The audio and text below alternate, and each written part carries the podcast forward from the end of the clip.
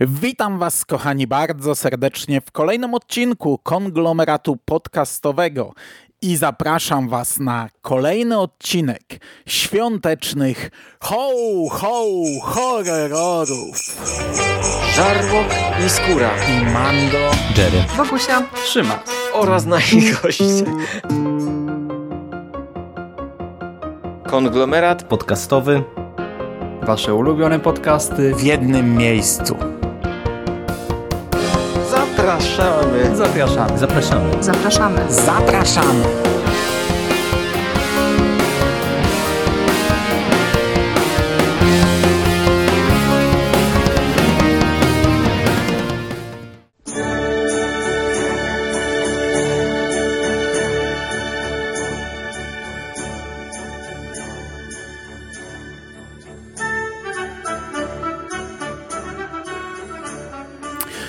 Witam Was jeszcze raz. Trzeci odcinek, przedostatni odcinek tego sezonu. Został już niecały tydzień do świąt, do Wigilii, bo do pierwszego święta został dokładnie tydzień. No i zwykle ja już tutaj zacierałem rączki, ostatni tydzień pracy, już, a, już prawie z górki. A w tym roku tego tak nie czuję, ale to też dlatego, że w tym roku jakoś przestałem odliczać wolne, jakoś przestałem. E, chyba martwić się pracą. W sensie, no, zacząłem ją lubić po prostu. Dla mnie to jest nieważne, czy ja mam wolne, czy ja ma, chodzę do pracy. No ale odpoczynek na horyzoncie, króciutki odpoczynek na horyzoncie, także bardzo fajnie. E, Chciałbym jeszcze we wstępie zaznaczyć, że trochę niepostrzeżenie przekroczyliśmy 200 filmów e, w ramach tej serii. Ta numeracja zawsze była trochę umowna. Niektóre rzeczy numerowałem, innych nie numerowałem. No, różnie to było, no ale mm, nawet jeśli tam weźmiemy jakiś mały margines błędu, no to 200 tytułów w ramach serii to jest ciężki kaliber. Nie mam pojęcia kiedy to przekroczyliśmy, bo tak jak mówię, no numeracja jest troszeczkę umowna. Ciężko mi wskazać ten moment, ale już teraz jedziemy trzecią setkę. W poprzednim odcinku mówiłem, że wybieram się na maraton. Na ten maraton się wybrałem. Jestem już w tym roku po trzech filmach świątecznych w kinie. O dwóch z nich usłyszycie w tym tygodniu w Nekropolitanie. Ten podcast jeszcze z mojego punktu widzenia nie jest nagrany, jeszcze na 100% nie jest pewne, czy ja w nim wystąpię. Jeśli coś się wydarzy, że w, nich, w nim nie wystąpię, no to tak czy siak gdzieś o tych filmach opowiem. A dzisiaj mam dla Was zestaw analogiczny jak ten przed tygodniem, czyli dwa filmy, trzy segmenty antologii, która jest e, tematem przewodnim 13 sezonu świątecznych horrorów i znów książkę, czyli wykonałem swój plan. Przeczytałem te dwie książki, które chodziły za mną od e, lat. Dobra, nie przedłużając, przechodzimy do tematu głównego dzisiejszej audycji, a zaczynamy od filmu The Apology z 2022 roku.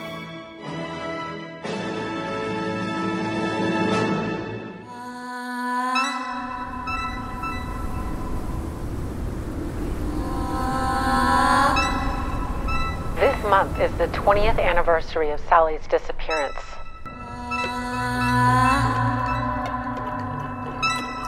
After all this time, what do you need to help you feel whole again?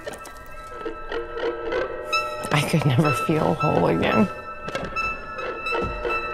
And what would you do if you found out who it was? You wouldn't want to tie him up? Don't drag me into that. If it's not revenge, what what would you want?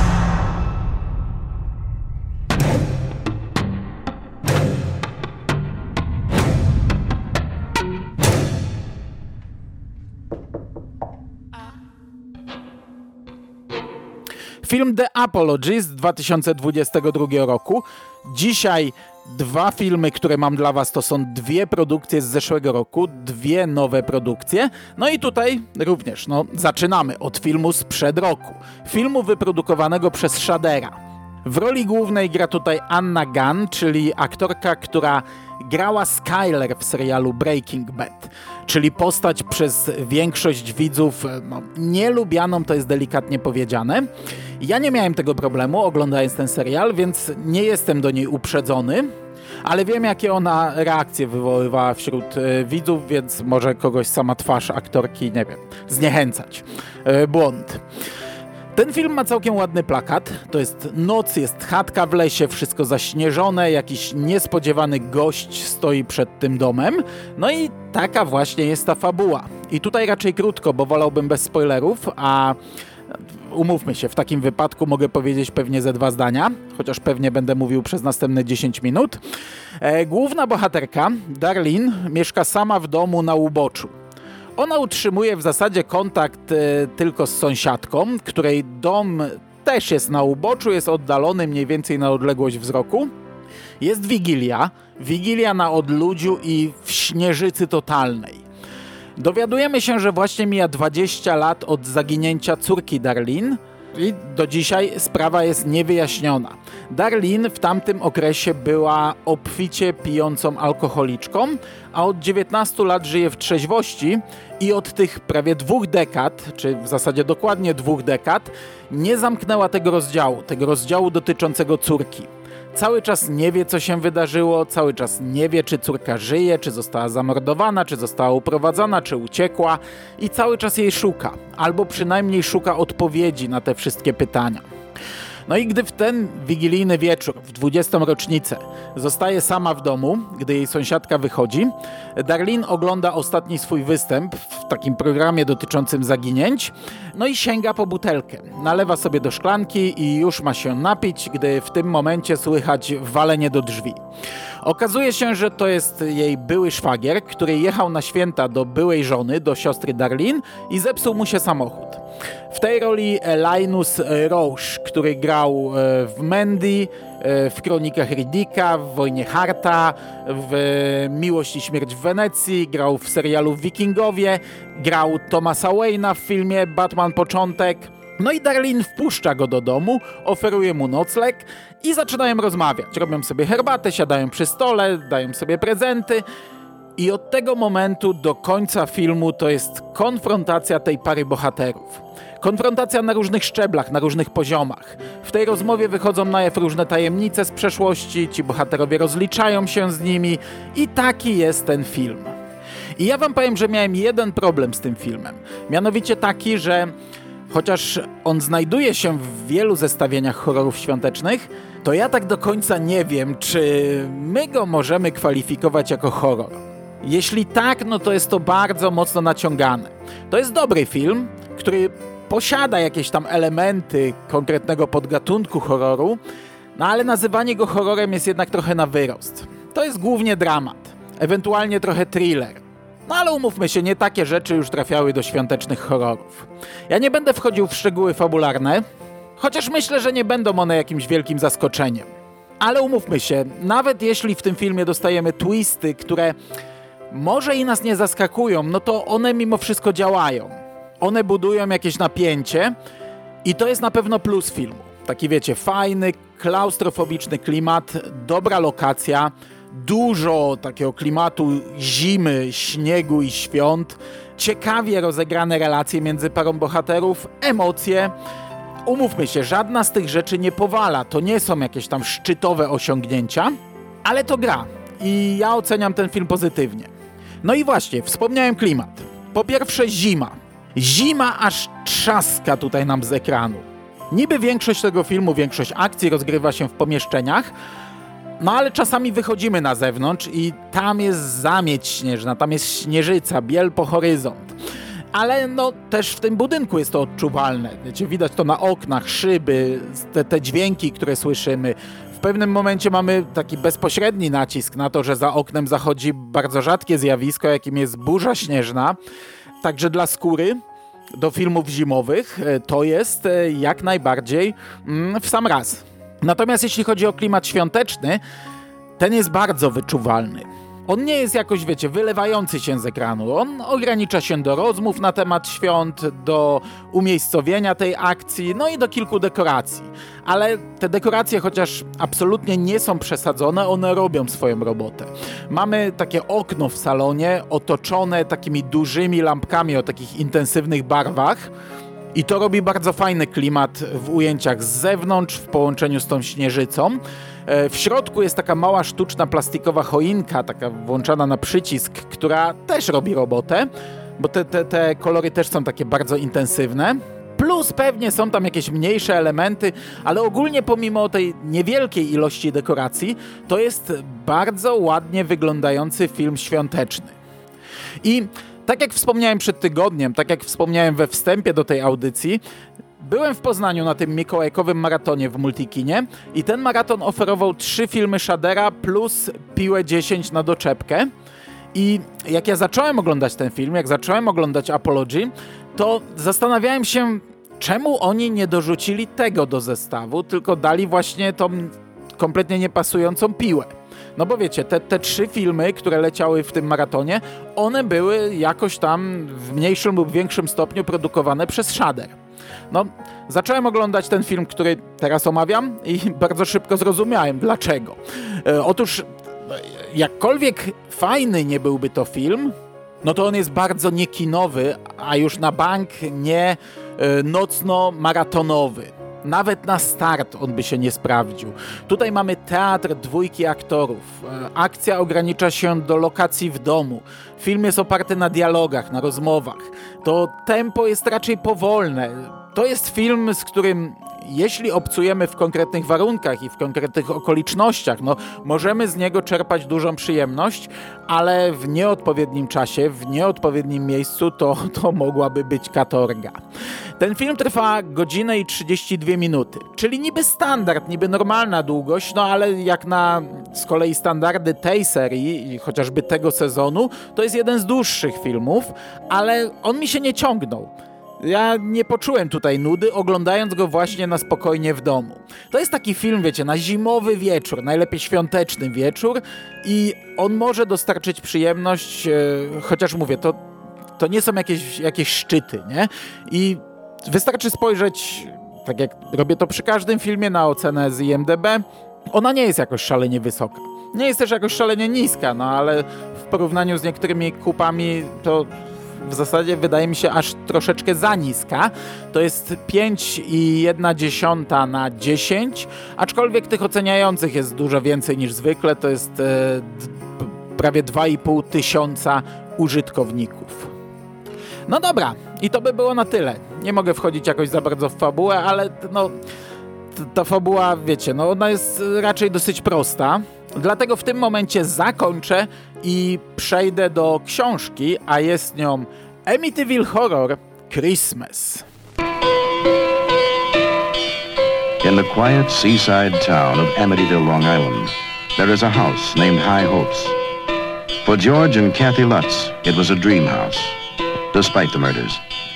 Only 13 months ago, Ron DeFeo had murdered his entire family one by one as they lay helpless in their beds. But the killer, who claimed he'd been possessed, was safely locked away. George and Kathy were looking forward to moving in. They weren't superstitious, not then. But the next 28 days would change their minds forever.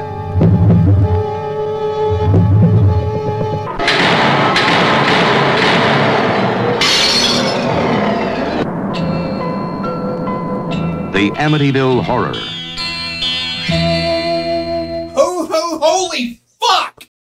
Amityville Horror z podtytułem Christmas.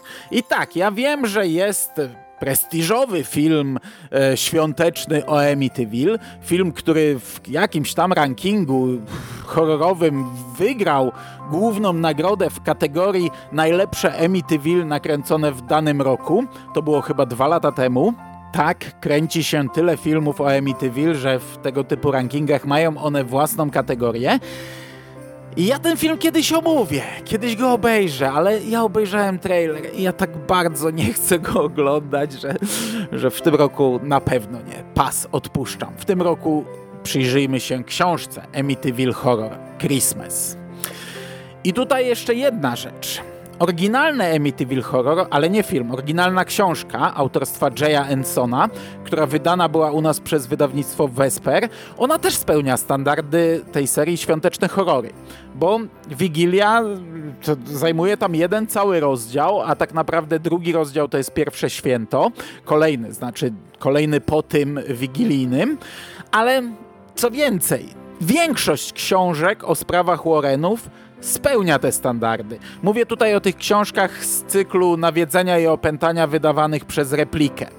E, gdy my półtora roku temu przygotowywaliśmy się do naszego pierwszego sezonu podcastu Akta Grozy do audioteki, no to czytaliśmy większość tych książek to nie było tak, że każdy z nas przeczytał je wszystkie. My się rozdzieliliśmy tą ciężką, ciężką pracą i tak naprawdę co chwilę ktoś pisał: O, mam święta. O, jest rozdział, który, którego akcja rozgrywa się w święta. No bo te sprawy Warrenów ciągnęły się tyle lat, że w końcu o te święta zahaczaliśmy. I ja rozumiem, to była tylko taka pierdołka w całej książce, ale jednak ja sobie przyjąłem pewne ramy na potrzeby tego cyklu podcastów i taka pierdołka wystarczy. Jak najbardziej. Ja pamiętam wtedy pisałem do chłopaków, kurczę, czytamy to. No męczymy się trochę przy tym. Miejmy coś z tego, nie tylko te akta grozy. Weźcie, jak przeczytajcie książkę, to nagrajcie mi wstawkę. 5-10 minut, ocena tej książki, o czym jest i ewentualnie ten z naciskiem na ten fragment świąteczny, nie?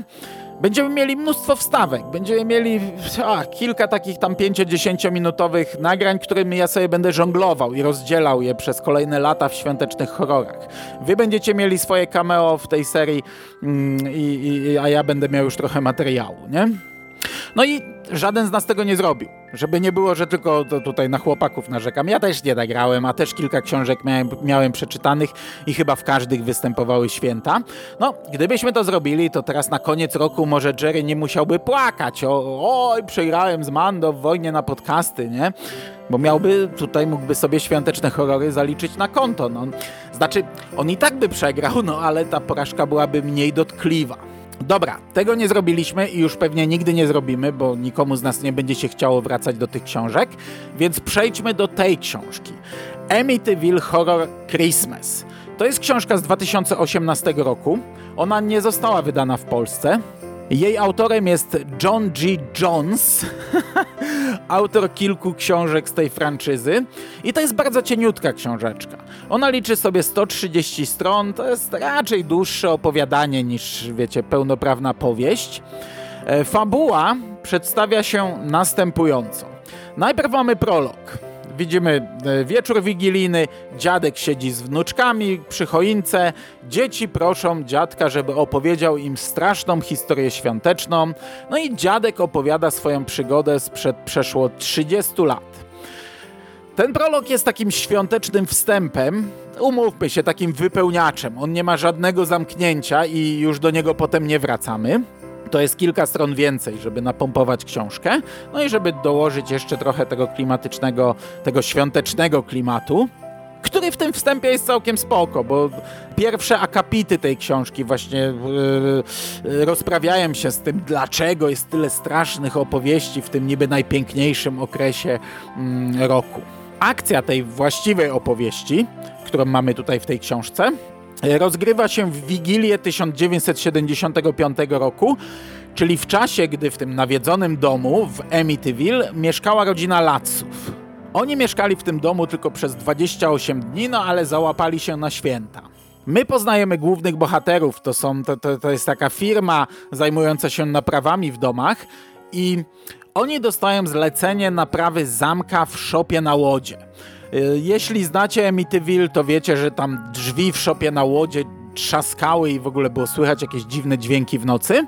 No i szef tej firmy wysyła dwóch pracowników, którzy bardzo nie chcą tego robić, bo właśnie wrócili z ostatniego zlecenia i już w swojej głowie rozpoczynali wieczerzę wigilijną, a tutaj jest już po południu, jest już późno, a on ich wysyła gdzieś tam daleko, bo e, jak dowiadujemy się z książki, firmy znajdujące się bliżej odmówiły tego z, przyjęcia tego zlecenia. Jedna już nie pracowała, a druga już wcześniej była coś naprawiać i doświadczyli bardzo nieprzyjemnych mm, zdarzeń. No i tutaj tych dwóch pracowników jedzie do tego Amityville. Ta historia tego domu jest nam stopniowana, ale tak stopniowana nieumiejętnie, bo najpierw pierwszym rozdziale tej książki szef firmy, e, no coś mu tam świta, nie? że coś jest nie tak i on pod koniec rozdziału sprawdza, kto jest aktualnym właścicielem tego domu i my mamy jego dane, że to jest George Lutz i to, to jest tak zostawione na koniec rozdziału jako taki szoker, jakbyśmy o tym nie wiedzieli, nie?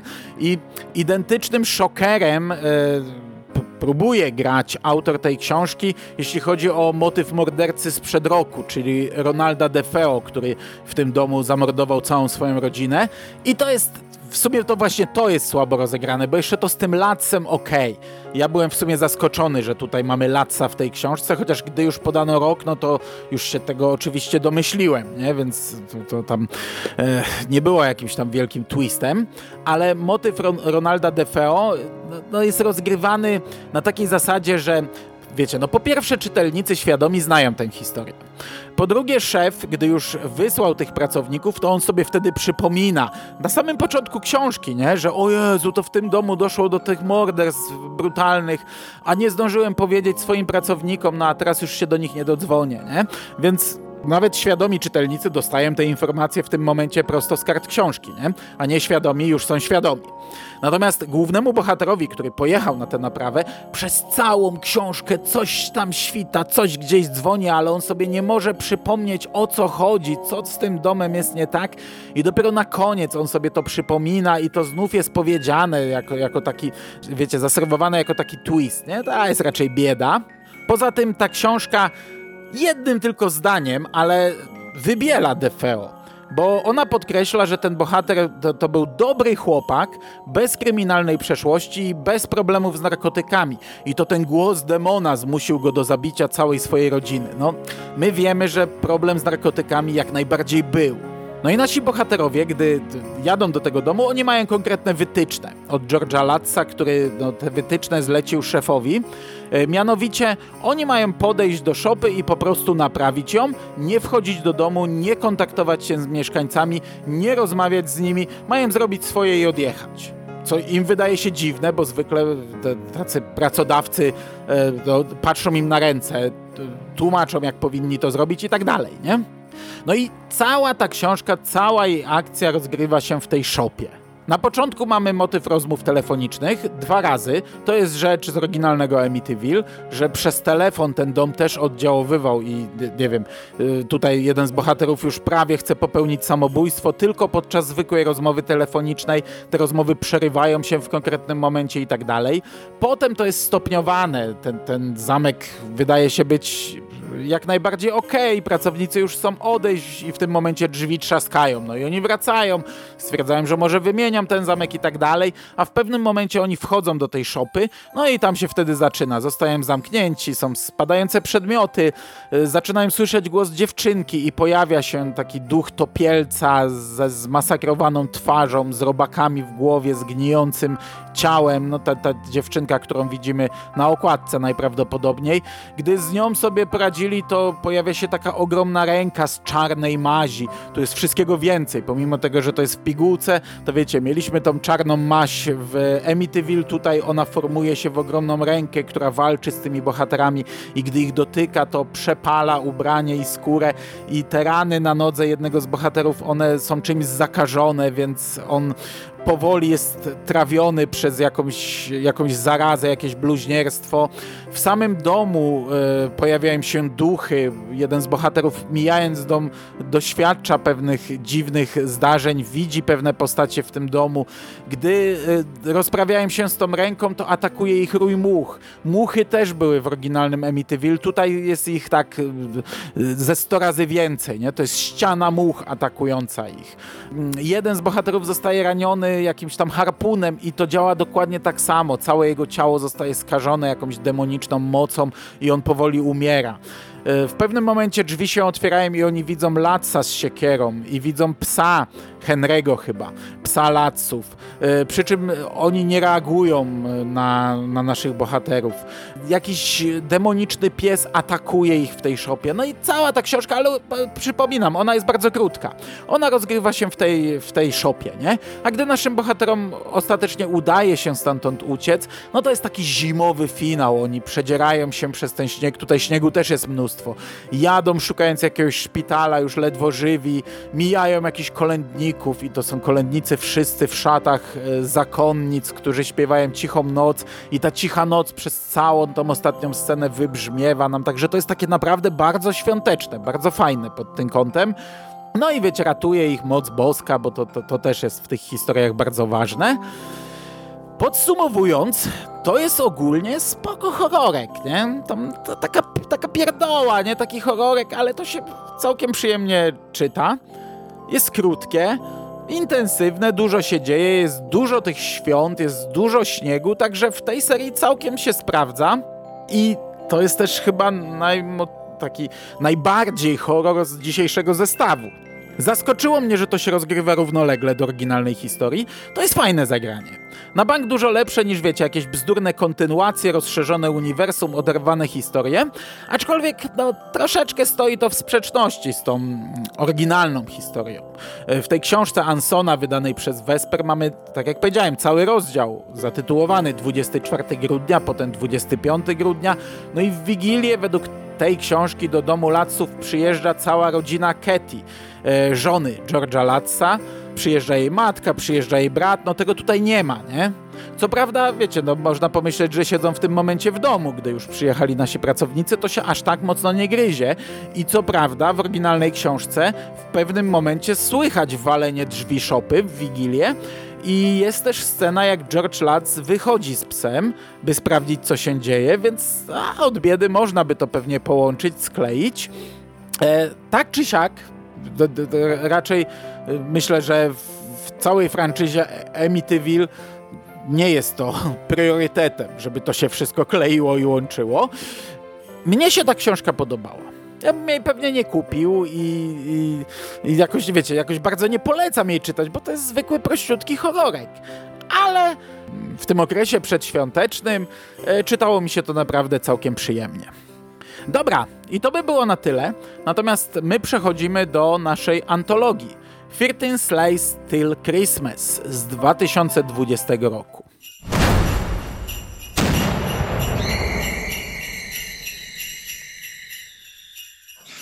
Before Satan Claus breezed in here, you were making some kind of a point? I was just saying that Christmas is a shame. Oh, Christ, not this again. This time of year, when I was very young, my great grandmother would sit us all around a roaring fire and scare the pants off us with creepy stories. Scary stories on Christmas Eve? What makes you think those are going to make a comeback? Trust me, I know a thing or two about resurrection. I love that idea. I say we each take turns telling two stories. Whoever tells the worst one picks up the tab. Good idea. I suggest we dig up some old ghosts.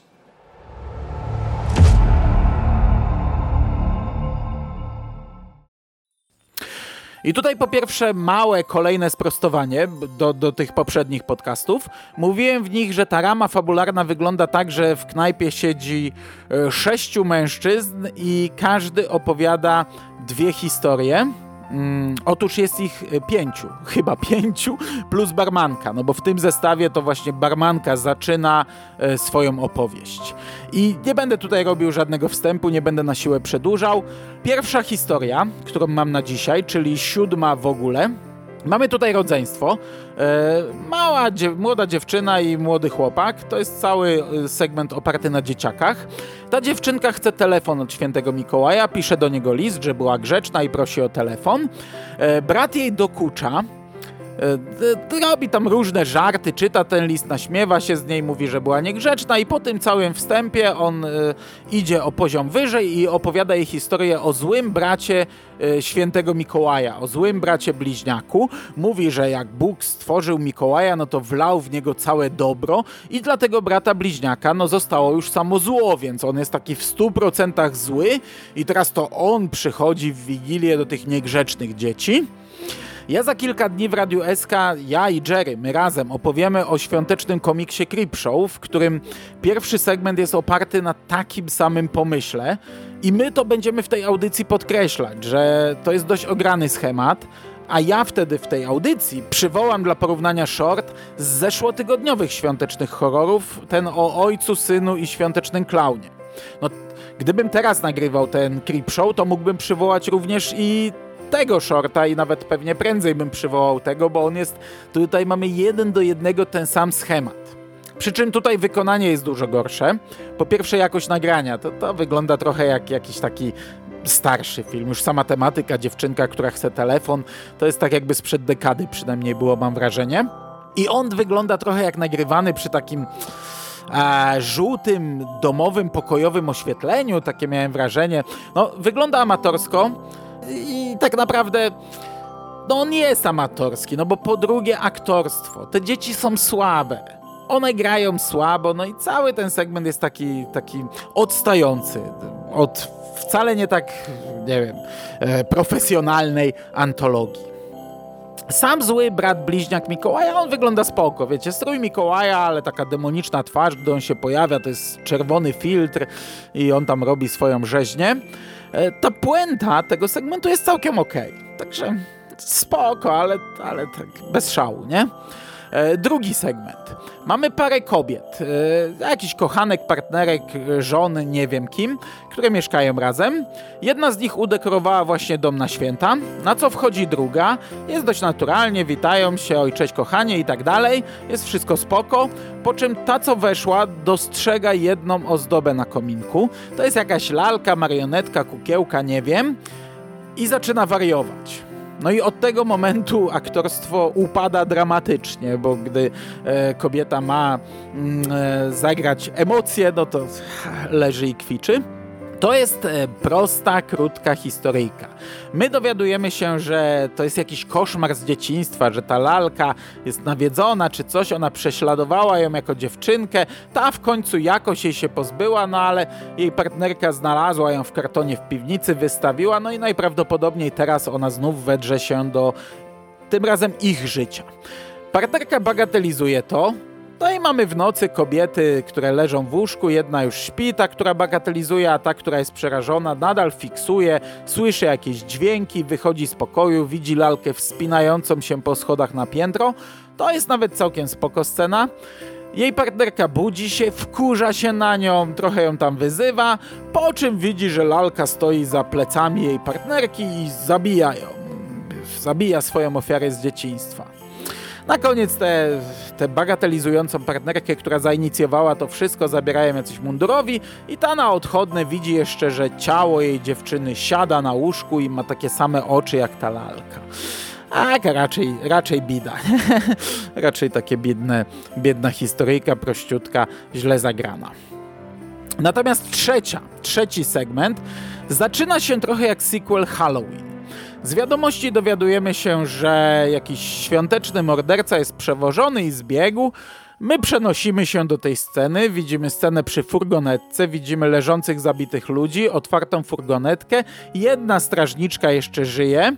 Mm, gdzieś tam jakiś facet, ten wariat przemyka w tle, ona go widzi, strzela, mamy jeszcze różne zgony, bo ona przez przypadek zastrzeliła jakiegoś innego strażnika, gdy myślała, że strzela do tego faceta i podchodzi do jakiegoś samochodu, otwiera bagażnik, no i tu mamy bach, twist, wielki twist, bo widzimy, że w tym bagażniku leżą zwłoki tej strażniczki.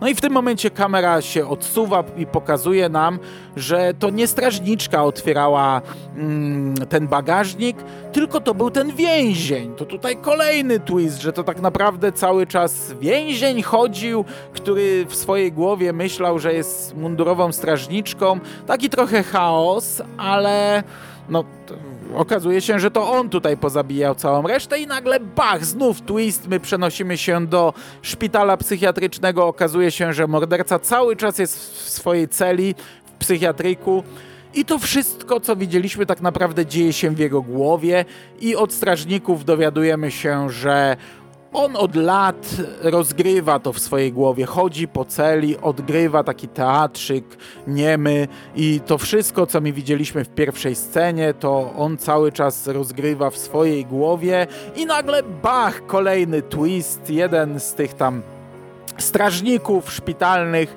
okazuje się być spokrewniony z dawnymi ofiarami mordercy, wyciąga broń, strzela w okienko i zabija e, tego mordercę.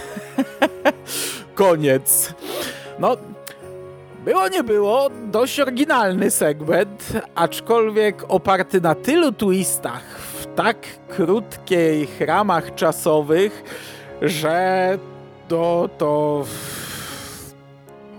to, to, to, to, no to nie jest dobrze zrobione. Dobra, Dojechaliśmy do 70 minuty filmu. Ja chyba przed tygodniem też coś pochachmęciłem, bo mówiłem, że zostało jeszcze bardzo dużo czasu. Chyba mi się pomieszało, jak gdzieś w głowie miałem, że ten film ma dwie godziny.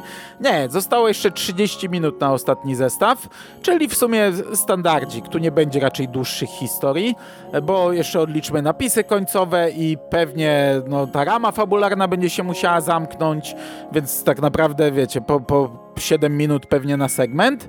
Ja o tym ostatnim zestawie opowiem Wam za tydzień, już w święta, w ostatnim odcinku tegorocznych świątecznych horrorów. Natomiast teraz przejdę do ostatniego filmu z tego zestawu, a jest nim The Leech, Pijawka, również z 2022 roku. When we help others, we bring them face to face with God. Do not board up your homes for fear of God's little ones. They are his long lost children, his flock in need of a shepherd.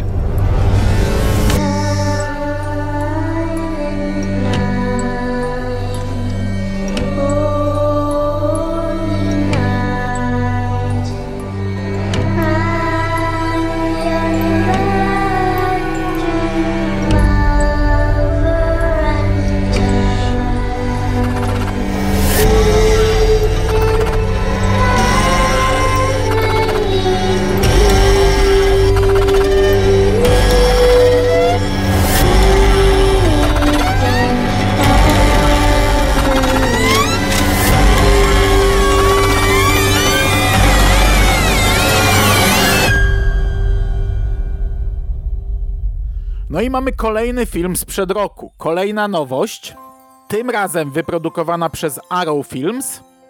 Oba te filmy pojawiły się jakoś rok temu później, także ja już byłem w trakcie nagrywania na finale świątecznych horrorów, więc od razu je zapisałem na następny rok. Nie ukrywam, że ten wtedy, gdy obejrzałem trailer, rozważałem do Necro, bo on wydawał się dobrym filmem. Ja go wtedy mocno wziąłem na celownik i no nie wiedziałem co z nim zrobię, ale wiedziałem, że w tym roku gdzieś go omówimy. Plakat tego filmu jest zrobiony tak trochę w stylu takich starszych horrorów z lat 70. Przynajmniej ten podstawowy plakat, który jest wszędzie, bo ja e, dałem na graficzkę w tym podcaście również plakat z tego filmu, ale taki plakat, którego ja nigdy wcześniej nigdzie nie widziałem. Znalazłem go zupełnie przypadkiem, a że on był taki bardzo świąteczny, zupełnie inny niż ten oryginalny, no to stwierdziłem, że się idealnie sprawdzi. I podczas seansu tego filmu ja miałem bardzo podobne obawy jak przy pierwszym dzisiejszym tytule, na ile to będzie pasować do horrorów. Przy czym, żeby było jasne, to jest zupełnie inny film niż ten pierwszy. Chociaż też w dość ograniczonej lokacji, też z niewielką liczbą bohaterów, też oparty mocno na relacjach pomiędzy nimi i na dialogach, przy czym jest zupełnie inny ton tego filmu. Tu jest momentami humor, tu jest e, momentami on jest taki bardziej dziki, jest, no mówię, dużo mniej poważny, jest bardziej szalony, jest inny. Fabuła tego filmu przedstawia się następująco. Poznajemy księdza, Księdza, który prowadzi kazania w pustym kościele, bo nikt do niego nie przychodzi.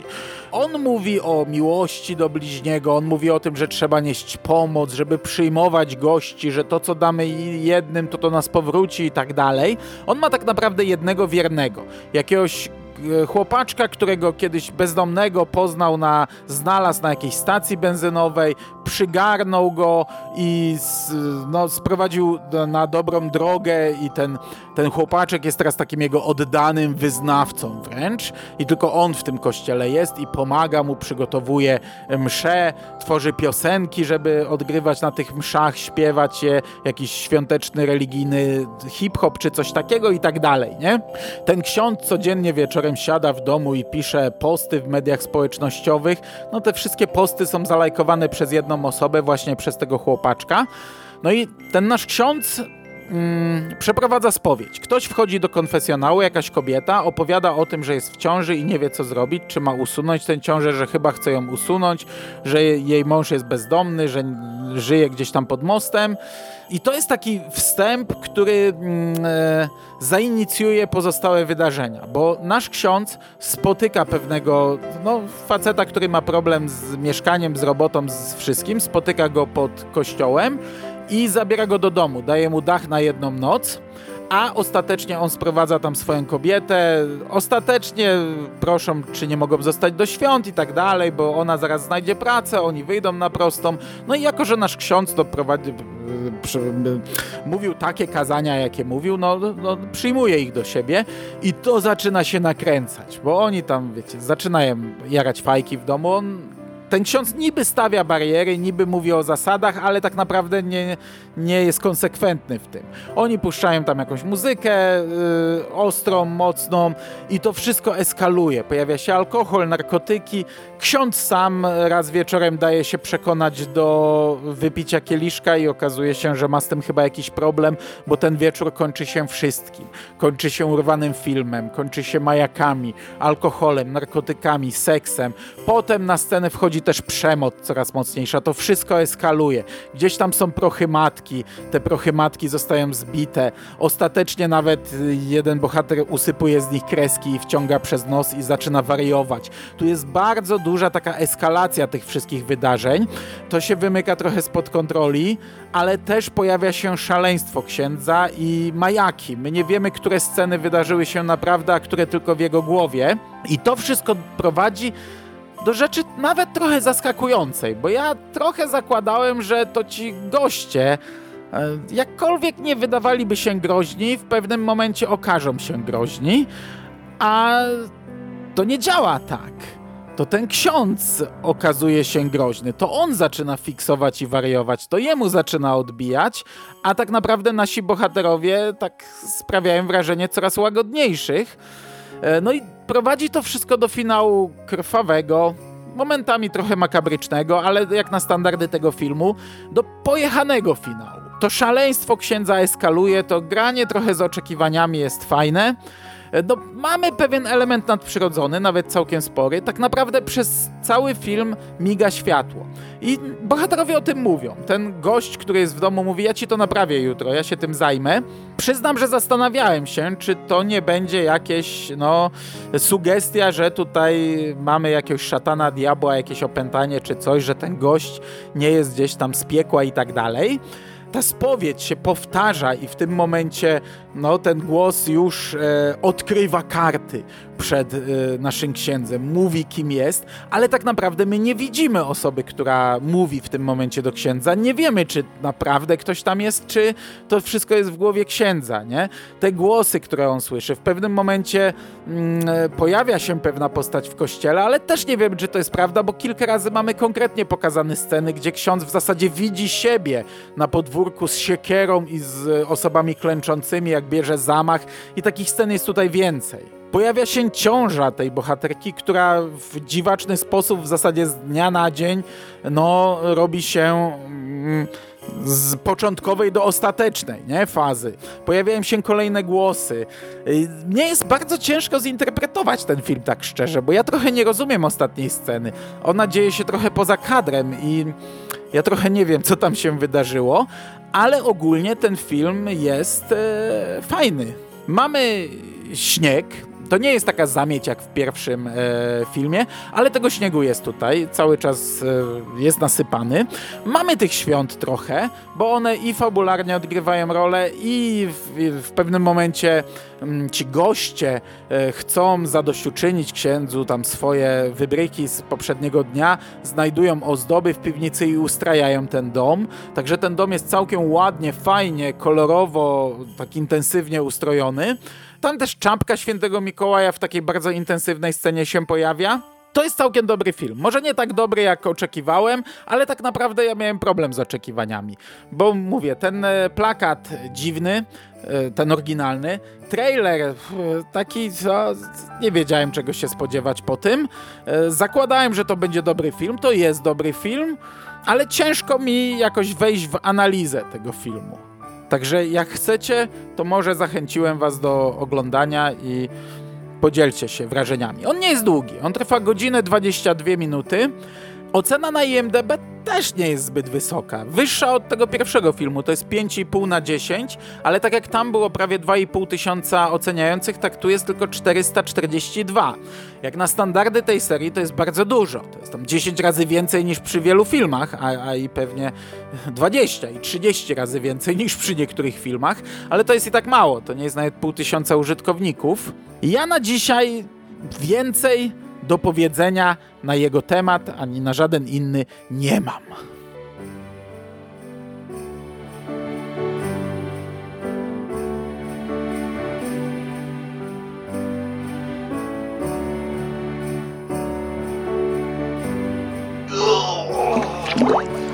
Merry Christmas! Ho,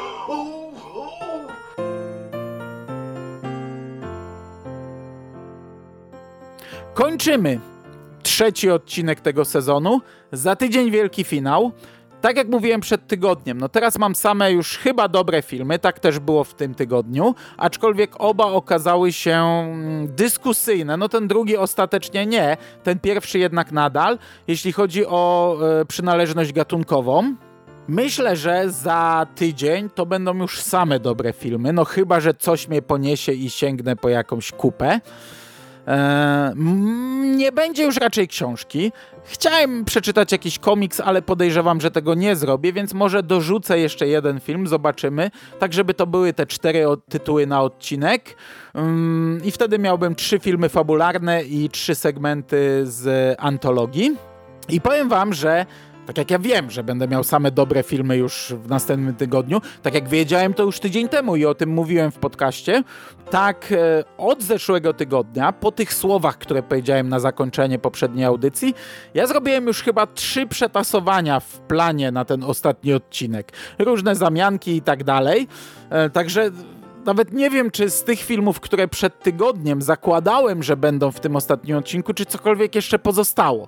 Bo wleciały mi kolejne, one wydają się lepsze i nie jest powiedziane, czy jeszcze teraz coś jeszcze nie wleci, bo grudzień, co prawda, jest na półmetku, ale jeszcze kilka premier przed nami. No jeśli nie zamienię tego w ostatnim odcinku, to to wszystko omówię za rok ale wydaje mi się, że ten ostatni odcinek mnie chyba nie zmęczy i chyba całkiem gładko przejdę przez tegoroczny sezon świątecznych horrorów. Trzymajcie się moi drodzy, przeżyjcie ten ostatni tydzień szaleństwa. Do usłyszenia w przyszłości. Cześć!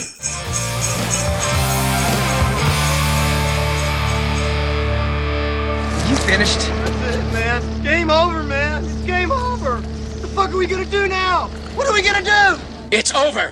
Nothing is over! Nothing! You just don't turn it off!